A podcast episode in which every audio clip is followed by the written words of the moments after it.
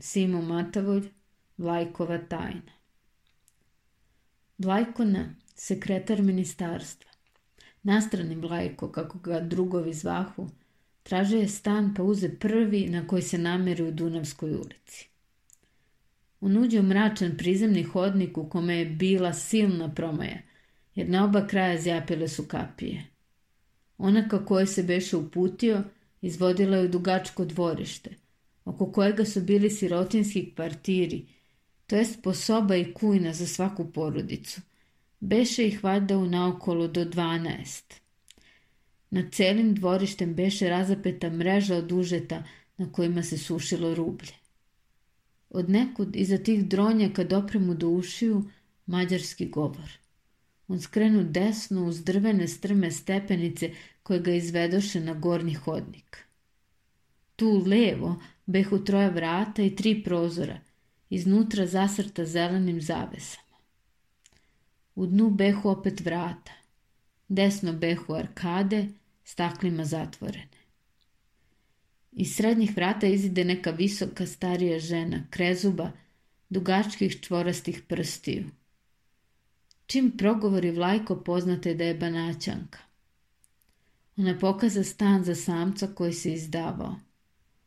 Soba beše prostrana, ali sva drvenarija beše prosto trula. Gvozdeni krevetac hramao je na jednu nogu. Uglačeni sto pukao po sredini, a na tako tankim nogama da bi od jednog jačeg udarca pesnicom otišao u komade. Tako je bilo sve ostalo po kućanstvu. Orman, umivaonik, divan i tri stolice. Stara započe. Soba je, kao što vidite, lepa i odvojena. U njoj je stanovao godinu dana gospodin P, diplomata.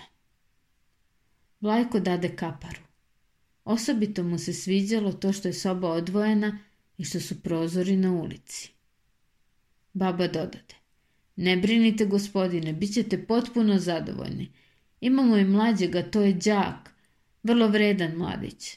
Slučajno nije sad ovdje, ali čim vam nešto zatreba, vi samo zovnite, Nikodije. Vlajko se useli istog večera. Sutradan ustade rano, pa pošto beše neka parada te ne mađaše posla u kancelariji, vrati se u stan oko deset časova. Gazdarica ne beše u kući, niti se ko živ čuo. Ključ je visio od obratni. On otvori i zastade na vratima neprijatno iznenađen. Soba je bila kakvu je i ostavio. Krevet nenamešten, pod neobrisan i tako dalje. On lupi vratima i stade hodati. Pogled mu se zaustavi na kutiji duvana i vide da mu je gotovo prepolovljen. Onda tek pobesne i viknu. Nikodije! Iza drugih vrata začu se nekog krčanje, pa onda neki tanki glas izgovori nešto nejasno. Lajko otvori vrata i opet viknu. Nikodije! Nikodije! Ponovi glasić. Šta je to? Ko je to unutra? Zapita sad Vlajko. Glasić opet zakrča. Ah, mačka te pojela! Viknu Vlajko, setivši se šta je. Pi! I ova gadna baba drži papagaja. Vrati se u sobu i stade pred stolom rekavši. Dakle, duvan kradu. Zatim svuče kaput i nastavi. Što da se ljutim? Ispavat ću se, pa ću se iseliti, ali ću babi učiniti kakvu pakost. Zar se ovako postupa sa ukućanima prvoga dana? Probudi se oko podne, pa se brzo spremi i pođe. Prva vrata u hodniku naglo se otvoriše i izađoše. Stara sa naočarima na vrh nosa i sa cigaretom u ruci. Za njom neka slabunjava mlada ženska, bleda lica, crvenih očiju. Najposle mladić neki od 17 do 18 godina osrednjeg rasta, plećat, široka i rumena lica, velikih i plavih očiju, sa opancima na nogama. Za njima iz mračne sobe zapahnu vonju od jodoforma, od kiseline i dima. Sve troje se navrstaše i pokloniše, kao kakva deputacija – Stara se poče pravdati. Nekakav čudan slučaj sprečio je nju i Nikodija da raspreme sobu, ali se to već neće desiti, zacelo neće. Dokle je ona brbljala, Vlajko posmatraše dim iz njene cigarete. Beše mu na vrh jezika da je zapeta. A molim vas, kod vas se podrazumeva da vas Kirajđija snabdeva duvanom. I baš kada da to reći, ciknu papaga iz pomrčine te staraš šmugnu unutra. Onda mlađa žena gledajući ga prepodobno započe. Čast mi se predstaviti. Eufemija udova raskvasila. Lajko se pokloni. Zatim istim podrugljivim načinom okrete se mladiću. A ti si gospodin Nikodije. Mladić razvuče usne gotovo dušiju. ušiju. Lajko otide. To posle podne primiva konto od plate, provede noć na bulevaru.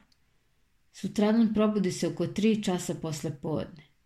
Kad se oblačio, zakuca neko na vratima. Uđi, viknu vlajko i videm Nikodija zapita ga. Ima li ovdje u blizini kafana? Pa eto je preko puta. Idi donesi mi kafu.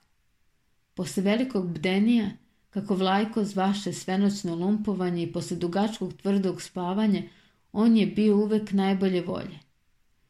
Puneći ulicu i pevušeći, on rastvori prozor. Svet je vrveo ulicu. Nikodije donese kafu. Živeo momče, viknu vlajko i pruži mu malo duvana. Ja ne pušim, gospodine, ja ovaj ne bih dirnuo vaše stvari ni za živu glavu. Šta hoćeš da kažeš tim, pita vlajko. Pa ovaj, može biti da ste posumnjali da ja uzimam vaš duvan. Znači da ga krade gazdarica, prihvatio Lajko smejući se.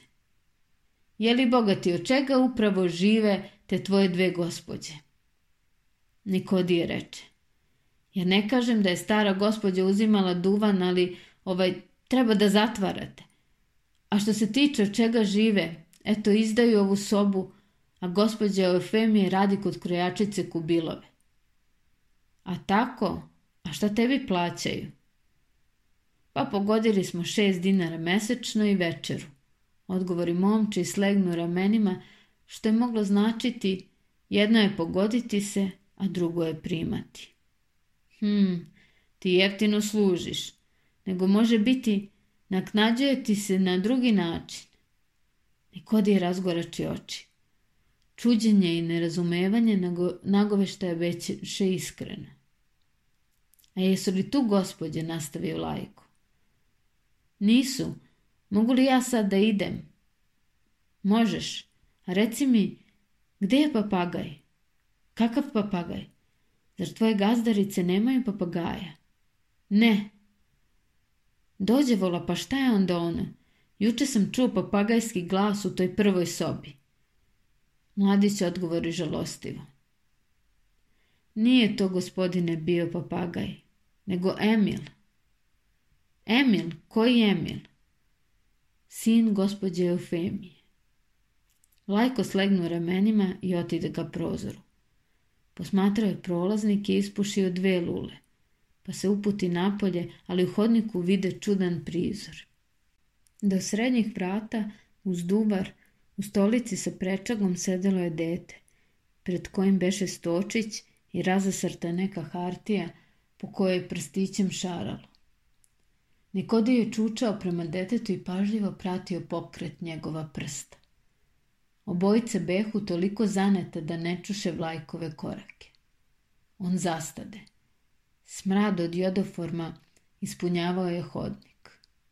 On vide da je malom leva noga otečena i uvijena, Leva ruka, također ovijena, visaše kao uzeta.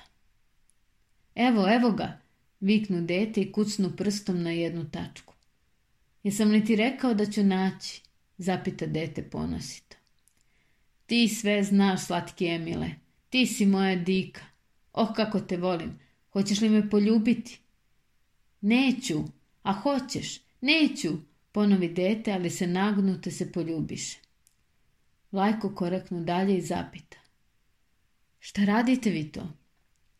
Nikodije stade pred dete kao da ga zakloni i zbuni se kao da je uhvaćeno u kakvoj pogrešci. Vi se zabavljate? Zapita Vlajko blago. Zabavljam Emila, odgovor Nikodije ponizno. A to je Emil, koliko mu je godine? Šest. Ta je li moguće? Navršio je šest. Lajko u čudu posmatraše dete i zapita mladića. Tebi je kanda krivo što te pitam za dete. Nije to, znate, nego Emil je bolestan i plašljiv, pa se trza. Juče je sve do noći drhtao zato što ste vi lupali vratima i vikali. To mi je žao, reče Vlajko. Ja nisam znao da je on sam u kući. Uopšte ja nisam znao za njega. A ja nikada ne plašim decu. Ja volim dobru decu. Ded, da vidim šta vam je to. Beše karta Evrope sva išara na pisaljkom i perom. More beše prepuno detinski nacrtanih fantastičnih galija. Vlajko se nasmeja gledajući još čitavu vojsku dece koja se kupahu. Polažući kartu na sto, ide bolje lice Emilovo. Obrazi, usta i nos behu pravilni, ali ne u srazmeri prema gornjem delu glave, prema velikom čelu i krupnim plavim očima. Kad bi mu pokrio gornji deo, video bi lice deteta od tri godine, a obratno, video bi oblik gotova zrela mladića. Oni pak izražavah bolešivu detinsku plašljivost koje je stradanje izoštrilo. Bleda koža na licu beše čista, ali sa strane na vratu behu ružne rane. Vlajko započe. E kad toliko voliš putovanje po moru, doneću ti veliku kartu. Doneću ti ceo svijet. Čuješ li, Emile? Uzviknu Nikodije. Vidiš li, gospodin te voli. Dete obori glavu. Ali znate šta, gospodine? Doda đak. Emil ima dosta karata, ima i Aziju i Ameriku, nego kupite mu zoologiju, za njom jednako čezne. Dobro, kupit ću mu. A ume li čitati? Još kako viknu Nikodije. Lani kad sam ja k njima došao, poznavao je samo slova, a sad čita kao kakav matorac. A zna sila pesama na izust. Dede Mile jedno. Nemoj sad, reče Vlajko zamišljeno, nego reci mi, zar ovo dete nikud ne izlazi? Nikodije se tužno nasmeši i reče. Ne može ni nogom da kroči. On nikad nije stao na noge. On ne može ni da razume kako ljudi idu. A leče li ga? Dolazio je lekar. A šta pomaže? Dava mu je nešto za mazanje i nekakvu vodicu za piće. Silazeći stepenice vlako je razmišljao o neobičnom događaju. Da mati i baba ostavljaju u mraku i u zatvoru bogaljasto dete. Ali hajde de, takve bezdušnice nisu redke, ali je redko spravo čudo taj glupavi Nikodije. Otkud njemu tolika nežnost, tolika ljubav prema tuđem, bolasnom, siromašnom detetu? O babi i materi Emilovoj vlajko doznade ovo. Stara beše rodom iz neke banatske varoši od dobre kuće. Bila je udata za nekim činovnikom, pa pete godine odbegne sa nekim inženjerom, poljakom, ostavivši mužu troje dece. Nastaniše se u Srbiji. S Poljakom je imala eufemiju, ali on pobegne od njih kad je male bilo pet godina. Eufemija se udate za Čeha raskvasila, muzikanta, pijanicu koji, umrevši naprasno, ostavi ženi jedino nasleđe, bolesno dete. Jednoga jutra Vlajko donese zoologiju i predade Emilu. Proteče nekoliko kišovitih dana. Za to vrijeme Emila nije nikako viđao, a Nikodija redko kad. Vlajko opet održa veliko bdenije, te uz kafu koju mu donese Nikodije zapita ovoga. Šta ti upravo učiš? Ja sam đak Svetosavske škole. Ovo je druga godina još godinu, ako Bog da. Pa onda? Pa onda, ako položim ispit, mogu biti učitelj tamo u Vilajetu, u staroj Srbiji. Kažu još ovo što nas ima, da će tako biti, pa posle da će slati učitelji koji redovno svrše. A jesi li željen Vilajeta? Pa i nisam. Imam oca i mater, a imao sam i jednoga brata, mila i onako pametna, pa je umro. Pisaše mi da je umro. A je li zato voliš Emila što ti napominje brata? I zato, a i zato što je mio i što je mučenik. A voliš li Nikodije, budi iskren, pravo mi kaži. Voliš li i majku Emilovu? Boga mi slabo, kad je ona nemarna prema detetu i ja za nju slabo marim. Ama čoveče, ja te pitam, da li ti voliš nju onako kao što čovek voli ženu? Nikodije se začudi, pa okrenom glavu odgovori. Žao mi je što tako govorite. Dakle, ti voliš Emila baš onako iz čiste ljubavi. Jest, i zato što mi napominje moga pokojnoga brata, i zato što je grehota što ga niko ne voli. A ne može dete bez ljubavi. Nije Bog rekao da tako bude. Dakle, ni baba, ni mati ne vole ga.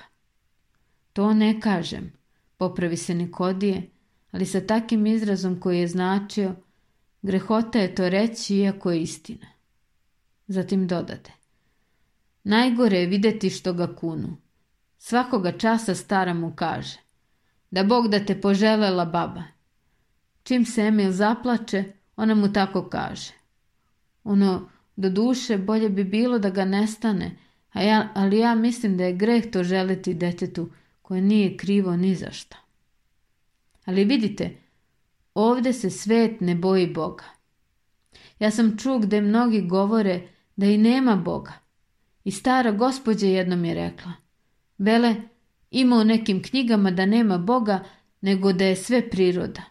Svi smo vele kao životinje ali vele treba izučiti celu gimnaziju i veliku školu da bi se te knjige razumele. Je li to istina, gospodine, molim vas? Nije to istina. A gde je sad Emil? Evo ga u hodniku, sunča se. A je li se obradovao knjizi? Ah, neprestano je lista, neprestano o njoj govori, dosadio nam je već svima. Kaže da će vas pitati. Bi li žirafa mogla poneti čoveka kad bi joj se obesio vrat? Koliko bi ljudi moglo sedeti na slonu? Je li istina da noj brže trči od konje? I Bog te pita šta još. Izidoše zajedno u hodnik. Emil sedješe na istom mestu, u istom položaju kao i prvi put, samo što je na stoliću povrh karte imao raskopljenu knjigu o životinjama. Na prva pitanja snebivaše se. Ali kad njegov novi zaštitnik poče ređati svakojake fantastične priče o zverinju, o čudnim doživljajima smelih lovaca, dete se oslobodite ga poče svakoga časa prekidati uzvicima i zapitkivanjima. Od tada se vlajk uvek zadržavao sa detetom, čak i onda kada je ono bilo za vratima. Najobičnije pitanje beše. Kako Emile? Slušali te onaj pogani Nikodije. Već zamišljate sreću Nikodijevu, a i njegovu privrženost vlajku. Zaista, nikada vladar neki nije imao dvoranina tako odana. Vlajku donesoše Emilu slatkiše, vođe, sličice, pisaljke, igračke svakojake. A sa materom i babom Emilovom sem običnog pozdrava ne menjaše ni reči jedne. Lajko se toliko naviknu na bolesno dete i na čestitog starosrbijanca da, iako inače ne beše zadovoljan sa stanom, već ne pomišljaše da ga menja. Bivalo je da zimnih mračnih popodneva nastranim Lajko sedi u kafani i gine od čame. Igrao bi šaha, karata, domina, čitao bi novine, časkao s poznanicima, ali je već sit svega – Sedi i nadimlje obraze, pa odjedaret skoči, obuče kapu te hita kući. Ako ne zateče ni kodija ni babu, onda sam uzme ključ sa dovratnika, uđe u mračnu kujnu, digne Emila zajedno sa stolicom i prenese ga u svoju sobu do prozora. I tu nastanu ovaki razgovori. Je li Emile, da nam je sestina ona lepa kola što prolaze pa da nam se odvesti daleko, daleko, čak do kraja sveta. A gdje je kraj sveta, vlajko? Bome daleko je. A je li lijep kraj sveta? Oha, sve rumenilo na nebu, a naokolo more i gore visoko. Pa onda bismo se morali voziti na lađi. Da bog me. Drugi put razgovor beše ovaki. Znaš šta, Emile, da ja tebe oženim. A zašto, čika Vlajko? Pa da imaš ženicu koja će uvijek sedeti pored tebe je prozora da se lepo zabavljate. Emil se malko zamisli pa će. Ali bi ženica otišla, pa bi baba opet mene zatvorila u kujnu. Ne bi, tvrdi Vlajko. Ja bih tvojoj ženici zabranio da te ostavlja. A zašto vi nemate ženu? e, ja ću najprije tebe oženiti pa ću sebe. A nećete vi nikada imati ženu. A otko ti to znaš? Kaže mi Nikodije, on meni sve kaže. A ti njemu sve veruješ. Nemoj bolan, on je lud. Emilas popade smeh. Vi sve kažete da je on lud, a on kaže da ste vi najpametniji gospodinu Beogradu. Jednom sedanjih trojica u hodniku. Emil imađaše pred sobom geografsku kartu i putovaše duz istočne obale Jadranskog mora na sever. Emil udari prstom i reče, evo pirana. A što je pirana, pita Vlajko. Lekar je rekao da bi najbolje bilo da ide u kupatilo, u piran. To je Emil zapamtio, pa nije imao mira dok ne nađe smo to mesto na karti. Zato je nacrtao decu što se tu kupaju. Emily pažljivo sluša Nikodija, zatim se okrete ka vlajku i lagano, kao da razume važno svake reči, reče. Lekar je kazao da će umreti ako ne odem u piran. Nije to rekao, viknu Nikodije. Jest, potvrdi Emil. Ko je šta dodade vlajko, ti ćeš ozdraviti. Baba kaže nije mi bolje i ja volim da umrem. To je on izgovorio kao što bi rekao volim sunce. A što voliš da umreš, pita Vlajko. Zato što baba kaže da me onda neće ništa boleti. Ah, tvoja baba, tvoja baba. me Vlajko mašeći glavom pa premetnu razgovor na veselije stvari. Tako je Vlajko često provodio vreme. Njegovi drugovi, viđajući ga češće, Često ga pitahu za uzrok toga, na što bi uvek odgovorio to je moja tajna. Oni su tu tajnu zamišljali kako je bilo najverovatnije najprirodnije. A jednoga ružnoga proletnjeg dana neki od prijatelja Vlajkovih videše ga gde gnjeca po blatu za jednim mrtvačkim vežićem za kojim je hodio pogruženo društvu sa dve ženske i jednim mladićem i to ostade njegova tajna.